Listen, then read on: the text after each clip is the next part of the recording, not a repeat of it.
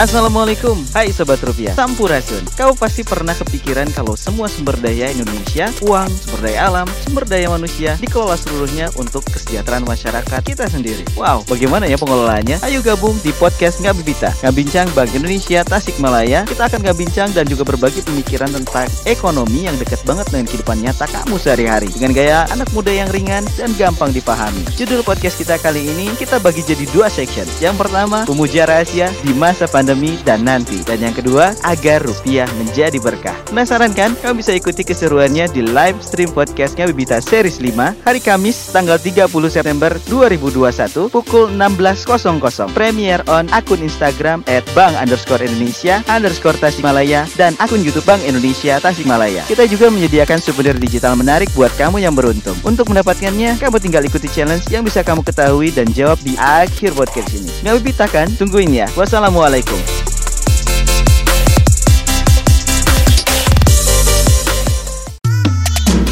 Jangan ke mana-mana, tetap di podcast Ngabibita.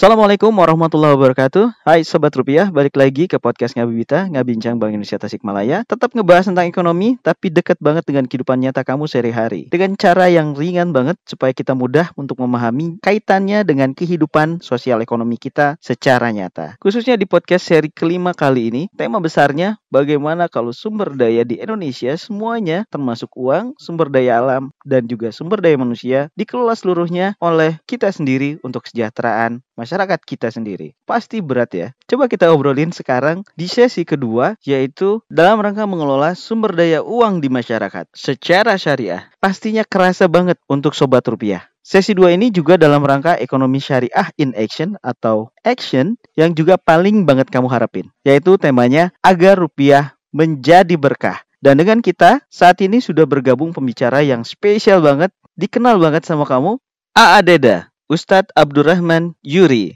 Assalamualaikum Adeda. Waalaikumsalam. Ah, sudah nyambung kita ternyata. Kang Jojo, saya disebut spesial siga martabak we. martabak anu spesialnya Ustaz. Aduh. Oh Ustaz, jadi ini karena materinya oke spesial Ustaz.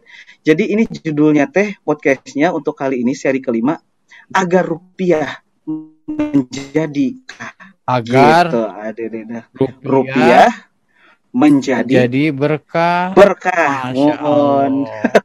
Mantap cerdas Mant yang membuat judul ya. Alah. siga ieu banyak. Siga pantun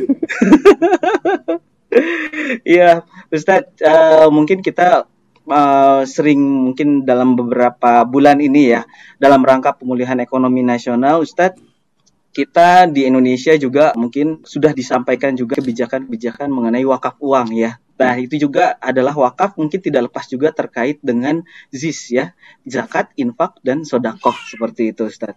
Mungkin bisa berbicara dulu secara garis besarnya terkait ZISWAP ini. Adeda Punten. Iya, Bismillahirrahmanirrahim. Assalamualaikum warahmatullahi wabarakatuh. Waalaikumsalam warahmatullahi wabarakatuh. Rekan-rekan, sahabat-sahabat, saudara-saudara yang sedang menyimak dek di mobil, yang di kamar, yang di warung, dek di dapur, kodarullah. Kita niatkan dulu karena Allah, karena ini menu spesial yang berkaitan dengan ngabibita dengan Bank Indonesia Malaya. Kodarullah yang kita kupas berkaitan dengan agar rupiah menjadi berkah memang Kang Jojo bahasa Indonesia teh Kang Kus, Kang Randy, Kang Dariana. Jadi bahasa Indonesia teh kodalu loh. Ada obat, ada taubat. Eh Kang hmm. Jojo kalau sakit makan obat. Obat mesti nama tobat hula. Oh iya, benar Ustaz. Baru makan obat, lima makan obat, poho kanu taubat. Nah, oh. itu yang jadi masalah nah. Yang kedua ada Quran, ada Koran, bacaan. Hmm. Ada masalah, ada masya Allah. Ada rupiah, ada ruhiah. Hmm. Uh, kangkus, stres kalau nggak punya rupiah. Teman-teman, bapak ibu yang baik, termasuk zakat infak sedekah dengan teknologi sekarang teh syariatnya lewat pandemi, ya. Oh. Jadi kita teh lewat Jume, terus teknologi pembayaran juga sekarang juga di Darut Tauhid menggunakan fasilitas yang disediakan oleh pemerintah. pakai kris ya. Jadi akhirnya teh sedekah teh dengan mudah tadi pagi ngasih training service excellent sebelum training teh Kang Jojo ada oh. dulu sedekah dulu pakai kris geleser itu teh. Oh nya langsung, langsung. dan oh. sedekah mau penolak wala dan pengundang rezeki. Saat hmm. yang sama di Darut Tauhid ini sekilas. Jadi dulu nama sekarang ada seperti gini teh sudah kurang lebih 31 tahun Allah takdirkan Hmm. Uh, dan sekarang baru dirubah lagi supaya lebih fokus. Ada tiga yayasan di Darut Tauhid, yayasan existing yang sudah ada, ngurus wakaf spesial. Hmm. Ada yayasan Rahmat Darut Tauhid Rahmatan lil Alamin spesial ngurus ya Kang Daryana ngurus uh, pendidikan dan juga ada DT Peduli yang sekarang ditasik oleh Kang Lutfi. Hmm. Nah saat yang sama Kodarullah ya Pak Fahrudin ikut serta oh. Pak Haji Fahrudin yang menjelaskan tentang bagaimana kondisi wakaf di Darut Tauhid. Oh. Silakan Kang Fahrudin, Ustaz. Ya, alhamdulillah. Bismillahirrahmanirrahim. Assalamualaikum warahmatullahi wabarakatuh. Waalaikumsalam warahmatullahi wabarakatuh. Alhamdulillahirabbil alamin. Allahumma shalli ala sayyidina Muhammadin wa ala alihi wa sahbihi ajmain. Terima kasih Adeda Kusnadi, Kang Randy, Kang Jojo, dan teman-teman semuanya yang hadir dan yang menyimak di mana pun berada. Ya Alhamdulillah tadi pertanyaannya tentang jiswaf, ya, zakat, infak, sodakoh, dan wakaf. Jadi istilah yang paling populer, yang paling banyak adalah menggunakan istilahnya sedekah. Ya, Nah, sedekah itu ada dua, ada sedekah bil hal, ada sedekah bil mal.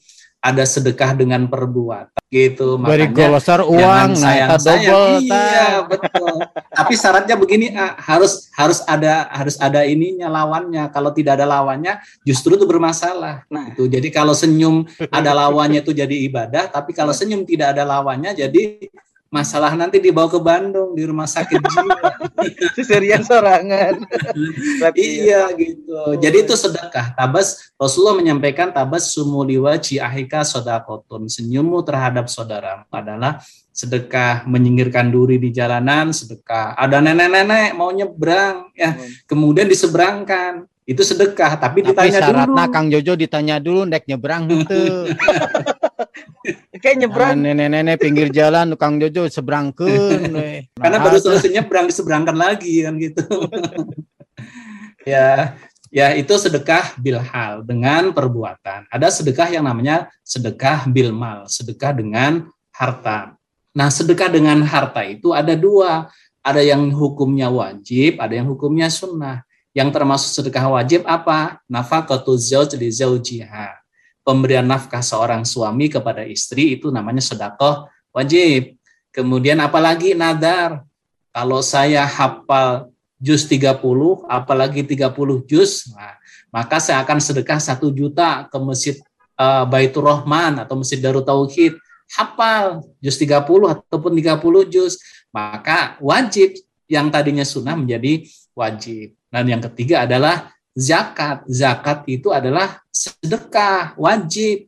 Jadi tidak orang yang bayar zakat banyak itu orang yang berprestasi, bukan karena penuh kewajiban seperti orang yang makan, orang yang makan itu bukan orang yang berprestasi kan begitu. Jadi itu wajib kebutuhan. Nah, kalau orang banyak melaksanakan amalan sunnah setelah wajib, itulah orang yang hebat. Sedekah, sedekah sunnahnya banyak, itu orang yang hebat. Pasti dia telah melaksanakan ibadah yang wajibnya yaitu zakat. Nah, itu yang wajib.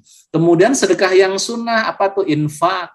Ya, makanya kalau di masjid ini kotak di masjid jangan ditulis kotak sedekah. Nanti orang ketika hari Jumat, ketika kotak lewat hanya senyum saja. Kenapa? Kata Ustadz Fahrudin kemarin senyumnya adalah sedekah hanya kan Jadi, kotak lewat senyum. Itu senyum, Kang Randy torojol sekensreng serenge gitu.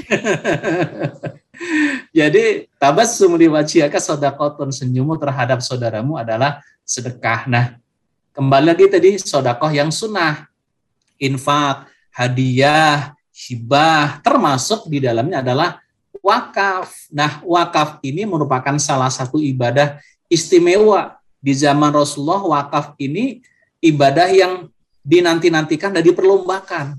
Rasul oh. di dalam Al-Quran menyampaikan, Allah menyampaikan, lantana birra hatta tunfiku mimma tuhibbun. Karena kunci orang keimanan seseorang adalah ketika dia mau memberikan sesuatu apa yang paling disukainya. Yang paling disukainya ya adalah harta, uang kan begitu. Nah, ketika dia mau menyisikan uangnya itu termasuk orang yang hebat sehingga Rasul uh, menggunakan istilah wakaf itu bukan dengan kata-kata wakaf tapi sodakotin jariyatin idama tabnu adam in anhu amaluhu illa min salasin sodakotin jariyatin aw ilmi yuntafa'u bi awaladin salihin Allah jadi istilah sodak ataupun istilah wakaf itu menggunakan sodakoh jariyah sodakoh yang nilai pahalanya mengalir. Sampai kapan? Ila yaumil qiyamah. Kan gitu jadi kalau misalkan sedekah dari senyuman itu juga harus ada lawannya. Apalagi sedekah kalau misalkan dalam bentuk uang juga harus ada lawannya. Yang jelas juga tentunya ya Ustadz ya.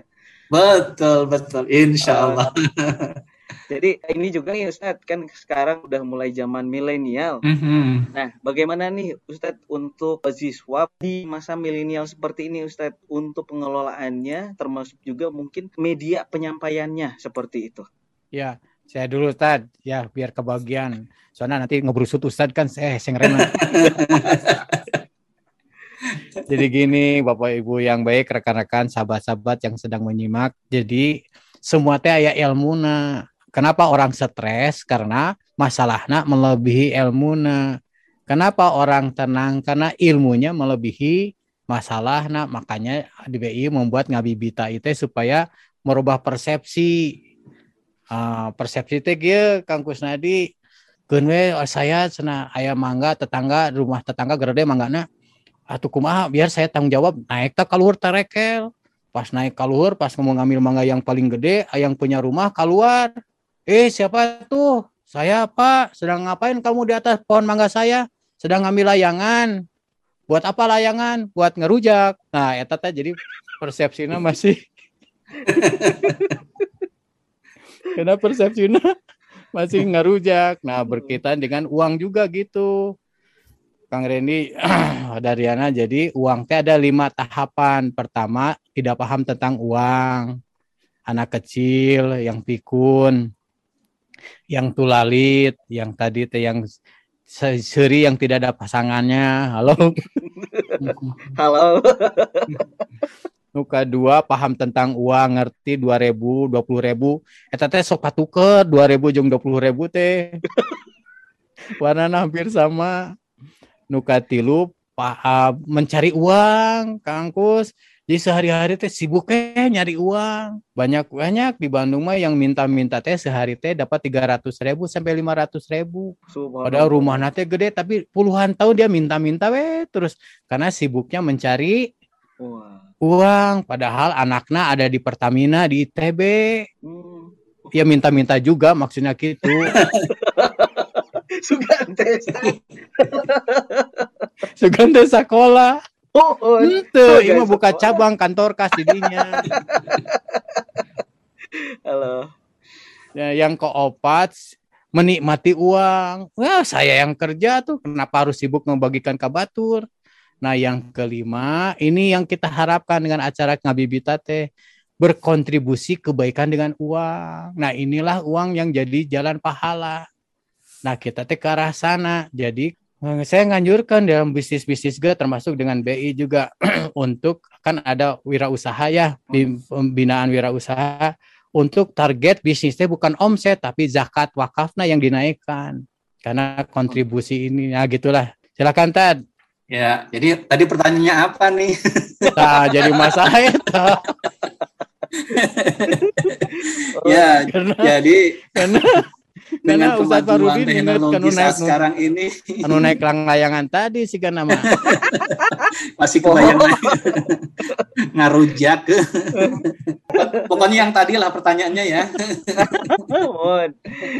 Kumaha ya baik. Kalau berbicara tentang JIS itu berarti nanti ada konsep yang namanya pemberdayaan melalui uh, dana yang dihimpun oleh lembaga-lembaga zakat. Kalau di Darut Tauhid ada di Peduli, di sana ada ZIS yang memang di sana ada program pemberdayaan masyarakat.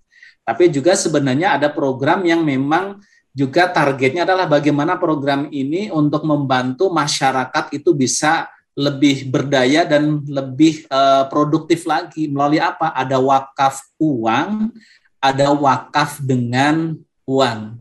Kang Jojo pernah dengar belum? Jadi kalau wakaf uang itu uh, yang diwakafkan itu uangnya, berarti uang itu tidak boleh berkurang nilainya. Kalau wakaf uang misalkan 100 juta, maka 100 juta itu tidak boleh berkurang. Nah, bagaimana agar uang tersebut bisa membawa manfaat untuk umat, maka diproduktifkan. Maka wakaf uang biasanya disebut dengan istilah wakaf produktif. Hasil wakaf produktif tersebutlah kemudian dipakai untuk memberikan beasiswa, untuk misalkan untuk membangun uh, sarana-sarana umum dan lain sebagainya dan sekarang diakomodir oleh pemerintah di uh, jadi di dalam BWI Badan Wakaf Indonesia salah satu poin undang-undangnya adalah mengatur bagaimana caranya wakaf uang ini luar biasa sudah didukung oleh pemerintah. Jadi ini hmm. uh, bagi masyarakat Bapak Ibu yang menyimak acara ini, oh saya ingin uang saya uh, produktif diwakafkan bisa bisa wakafnya berupa wakaf uang. Ada juga yang diwakafkan itu hasilnya misalkan saya punya uang satu miliar nih saya titipkan ke DT Peduli untuk dioptimalisasikan. Nanti hasilnya saya wakafkan. Hasilnya misalkan dari satu miliar tersebut satu bulan hasilnya misalkan 10 juta misalkan saja. Yang 10 juta itulah yang diwakafkan bisa nggak? Bisa juga. Itu melalui wak berupa uang. Jadi wakafnya namanya wakaf uang ataupun wakaf produktif. Yang kedua adalah wakaf melalui uang kalau wakaf melalui uang langsung dibangun untuk fasilitas yang produktif.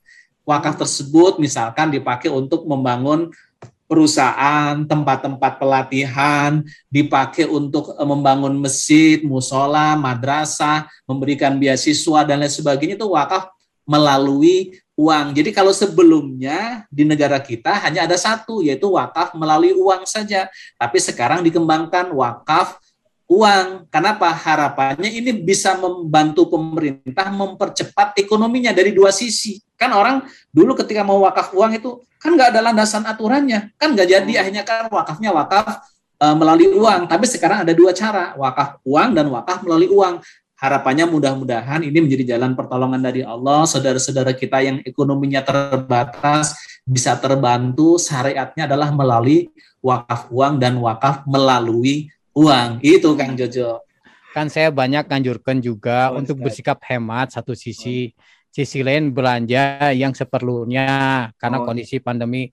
Kang Jojo mana yang lebih hemat? Makan dengan ayam atau makan bersama ayam? Asa lebih hemat bersama ayam. ya, tapi ingin lebih hemat makan makanan sehat. Makanan ayam eta yang lebih hemat lagi. Aduh, silakan lanjutkan lagi. iya, Ustaz. Jadi kalau untuk yang tadi belum menyentuh ini, Ustaz. Untuk kemudahan di zaman milenial sendiri, untuk Jiswap ini gimana, Ustaz? Ya, tadi di awal sudah disampaikan oleh Adeda bahwa teknologi ini harusnya membuat kita mudah untuk beribadah, untuk beramal soleh. Salah satunya di kita itu sudah menjadi rutinitas setiap aktivitas kegiatan kita selalu dengan sedekah melalui kris. Nah, ini kan mempermudah ketika kita belanja sekalian sedekah di situ juga bisa kan begitu. Jadi mudah sekali kita untuk bersedekah. Masalahnya mau ataupun tidak kan begitu. Hmm, hmm, hmm. Kita sudah diberikan kemudahan. Teknologi itu kan karunia dari Allah. Ada yang bertanya gini, Ustaz, kan kalau kita bersedekah, membayar zakat, berwakaf, itu kan ada akadnya. Bagaimana dengan akadnya? Kan kita oh, tidak oh. pada saat masukkan ATM langsung oh. ATM saya nih sedekah karena Allah kan nggak begitu kan itu. Kan cek nah, kudu aya pasangana. Ya, ada pasangana. Kumaha Ya, jadi di uh, fatwa Majelis Ulama Indonesia menetapkan memang kalau zaman dulu zaman uh, Rasulullah bahkan Imam Madhab Imam Syafi'i termasuk mensyaratkan ada yang namanya ijab dan kobul. Jadi kan ada berpasangan ada ijab ada kobul ada yang menyampaikan ada yang menerima kobul kan yang menerima ijab yang menyerahkan harus ada dua-duanya. Bagaimana dengan sekarang dengan perkembangan teknologi yang dua-duanya itu tidak ketemu antara DT peduli orang-orang DT peduli timnya Kang Lutfi dengan yang mentransfer itu kan tidak ketemu bagaimana caranya. Nah, maka dibuat aturan. Para ulama beristihad ya, beristihad dengan berbagai landasan hukum dan lain sebagainya, kemudian dilihat dari sisi kemanfaatannya, maka disepakati bahwa ketika seseorang mentransfer saat itu secara tidak langsung dia sedang mengakatkan ijab Nah, ketika DT peduli ataupun kita mengambil uang tersebut, itu diakatkan sebagai kobul. Jadi ijabnya ketika kita mentransfer, kobulnya adalah tatkala kita mengambil uh, dana tersebut yang digunakan untuk kemaslahatan umat. Ini sudah ada dalam fatwa-fatwa Majelis Ulama Indonesia, ada DPS juga menyampaikan fat, hasil fatwa tersebut gitu. Itu Kang Jojo di Darut Tauhid, oh. setiap aktivitasnya keluar oh. kiris ini di masjid ada waktu sholat, jam mundur, ada QRIS-nya. Agim di YouTube ada QRIS-nya. Terus dimudahkan segala urusannya kepada ini teknologi ini sangat ngebantu. Adeda punten, ini kalau boleh saya bertanya, kan di backgroundnya Adeda itu ada wakaf terpadu. Wah, ini teh gambar di mana ini? Ah. Imam, jadi Darut Tauhid teh Kodarullah, oh. Kang Jojo. Kang Daryana, Kang Kusnadi, dan yang lain-lainnya juga Kang Randy. Jadi awal mulanya kenapa Darut seperti gini syariatnya tahun 86 dulu ngebentuk KMIW kelompok mahasiswa Islam Wira Suhatma eh Wira Suhatma eh Wira Swasta Wira Suhatman ma Aki pun Aki. Oh, non. Aduh. Aduh. ya Pak Juli jeng akinya Wira Suhatma. Terus uh, karena di, adik teh sakit, si lumpuh, jadi kita teh usaha di rumah segala macam. Agim sih yang punya gagasan banyak, dah saya mah dulu nah bagian Agim bagian mancing ikan, saya bagian ngelola ikan gitu, Kangkus. Jadi sampai sekarang, kemudian karena pengajian makin banyak, melihat orang sama dengan melihat peluang sama dengan melihat uang. Nah, gitu ceritanya. Lima rahasia orang-orang wenya. Daya kan kan disiarkan. Jadi rahasia deh. Jadi melihat orang, melihat peluang, melihat uang di sana. Terus um, pindah Agim karena saya nikah, Agim pindah ke Geger Kalong jaraknya kurang lebih sekitar 700 meteran satu kilo lah. Agim ngontrak di sana tahun 90, menggagas membuat masjid tahun 93. Nah, dari sanalah mulai wakaf teh. Hmm. Jadi semuanya konsentrasi kepada pemakmuran tawakaf. Nah, hmm. termasuk wakaf terpadu teh karena segala macam ada aktivitas hmm. mulai dakwah, masjid, sosial, pendidikan, termasuk usaha Ah, ada cottage, cottage penginapan segala macam, ada toko-toko dipakai untuk bagaimana wakaf produktif. Hmm. Karena supaya uangnya muter terus dirinya Mudah-mudahan banyak nuka cepretan dengan muternya uang teh gitu, termasuk hmm. tetangga, tetangga masyarakat segala macam.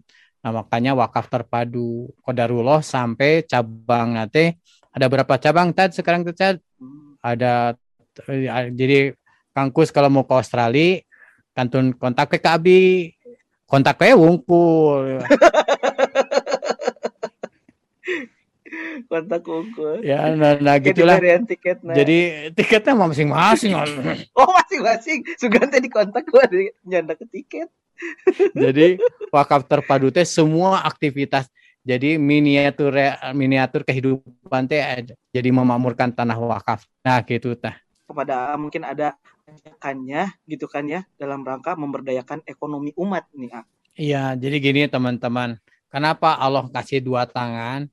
Yang satu nerima, yang satu memberi. Uh, jadi jangan sampai si uang teh harus muter. Ya, makanya ada terima kasih Kang Randy, terima kasih. Uh, jadi supaya muter. Kalau muter mah ya berkah. Nah, kenapa hikmah tawaf supaya dinamis kita teh dinamis. Nah, sekarang mah tiap belanja diniatkan sedekah. Termasuk ke tukang tambal ban teh di Tasik tong ditawar atuh. Waduh, ditawar. Yang tawar Kang Jojo kalau ban bitu kumaha doana ya Allah segera pertemukan dengan dengan tukang tambal. Tambal ban terus ketemu tambal ban sahanu bersyukur. Saya, Ustaz. Ah. Ya dua nana jeng oh, tambal oh, ban oke. Okay. ya Kang Jojo teh alhamdulillah ya tambal ban cek tukang oh. tambal ban alhamdulillah aya nu Bitu. Kayak nu bitu, ari doana sehari-hari tamal ban kumaha Kangkus? Mugi Allah banu bitu. Ya Allah bukakan pintu rezeki gitu kasep, makanya cingirian bitu. Coba yang doana penggali kubur kumaha? Subhanallah. Iya benar. Nah gitu, jadi didorong ya. Ada perputaran uang di sana. Nah ini sering disampaikan Ustadz, tukang cendol G, gara-gara tukang cendol bisa banyak memberdayakan orang. Tukang kalapa na, gula na, tarigu na, gelas na. Ayo cendol pakai es tuh, Kang Jojo? Pakai. Ente, cendol mama kece. Cendol Astagfirullahaladzim. Kudu belajar bahasa deh ya, Abi. nah gitu, jadi berwirausaha ge bukan keuntungan kita saja yang diprioritaskan, bahkan keuntungan orang lain secara algi mah untungkan orang sebanyak-banyaknya. Hmm. Saat yang sama otomatis uang berputar dan ada berkah di sana. Hmm. Masya Allah, gitu tah teman-teman, Masya Allah. Ya, jadi kalau misalkan kita kembali lagi, berarti tadi untuk terkait wakaf, jadi insya Allah baik yang berwakaf maupun yang menerima wakaf ataupun tadi yang memanfaatkan wakaf, memakmurkannya, memakmurkan wakaf itu tadi juga akan menerima semua manfaatnya. Seperti itu ya Ustadz ya Ayah. Insya Allah. Oh, jangan ragu ketika kita ingin berwakaf gitu ya. Terus juga wakafnya kalaupun juga secara online mungkin tadi berhadapannya dengan ATM jangan serai-seri di depan ATM. Tapi kalau mau coba silahkan saja, jangan ragu. Berarti tinggal ini ya, karena udah ada apa namanya ketentuan-ketentuan yang mendasari untuk kaf, zakat, infak dan juga wakaf melalui online tadi ya atau secara virtual tadi. Alhamdulillah berarti Alhamdulillah Mohon. Ini jadi hatur nuhun pada Adeda, kepada Ustadz Wahrudin juga sudah hadir ini di Ngabibita. Mohon. Jadi udah ngabibita apa saya jadi untuk berwakaf ini teh? Eh, eta atuh. Bahkan gini Kang Jojo, jadi apa pun yang Allah perintahkan kita dahulukan. Oh. Zakat, infak, wakaf, sedekah teh diprioritaskan termasuk umroh haji. Angkat tangan yang berniat umroh, cing, cung yang berniat umroh. Bagus oh, Kang Reni dan niat mah temayar. Lumayar mah daftar tapi niat dulu minimal. Jadi apa pun ikhtiar kita adalah ikhtiar mendatangkan pertolongan Allah. Eta yang sering Agim sampaikan. Ditulunganku Allah mah pekerjaan sangat rumit, dia jadi ringan. Oh. Tanpa dengan pertolongan Allah, pekerjaan yang ringan guys sangat jadi sangat sulit karena Allah yang maha kuasa. Nah, salah satu infa, in, in, in, lakukannya adalah dengan zakat, infak, wakaf, sedekah, teh, eta. Hmm. Apa pun ketatan Allah mendatangkan pertolongan Allah. Naon alat ukur sukses kurang ujung-ujungnya dua at. Makin hari makin ta taat. Taat ke Allah dan makin hari makin man faat. Ha eta ta lain mantap. manfaat, taat dan manfaat. Eta kuncinya sumber datangnya pertolongan Allah. Ah, termasuk dengan wakaf. Waduh, itu luar biasa manfaatnya.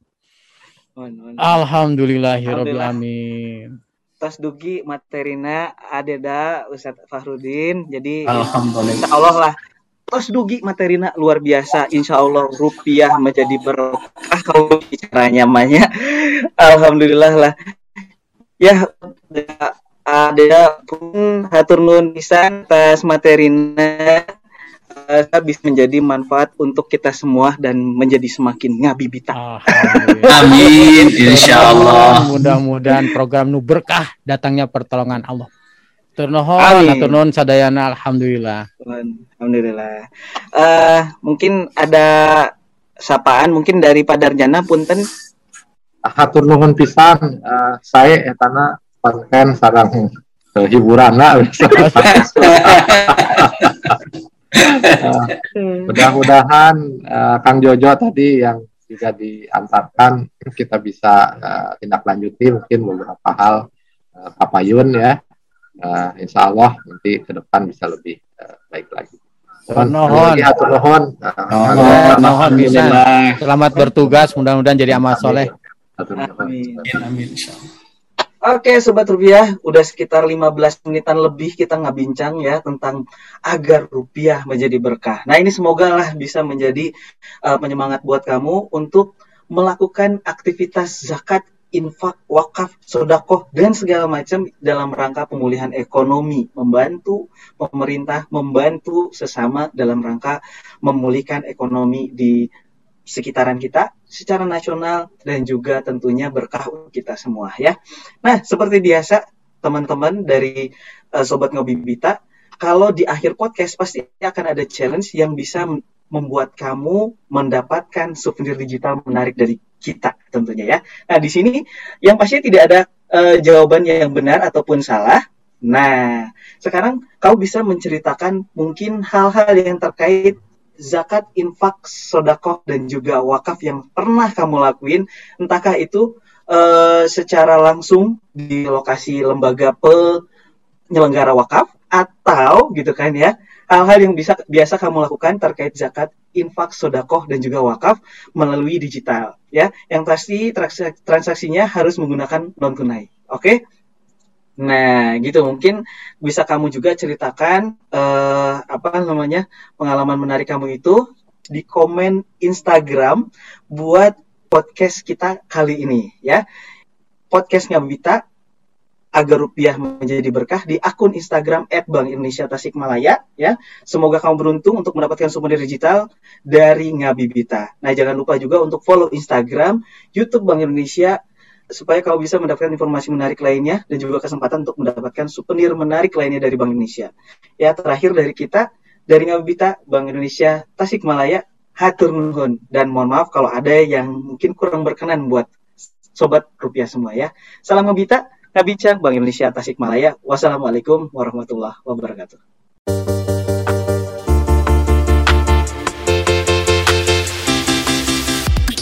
Hatur Nuhun, kamu sudah mendengarkan podcast Ngabibita, Ngabincang Bank Indonesia, Tasikmalaya. Sampai jumpa di series berikutnya. Jangan lupa follow akun Instagram dan YouTube Bank Indonesia Tasikmalaya dan ikuti challenge-nya. Semoga kamu beruntung mendapatkan souvenir dari Ngabibita. Salam Ngabibita, Ngabincang Bank Indonesia Tasikmalaya. Wilujeng Sadayana.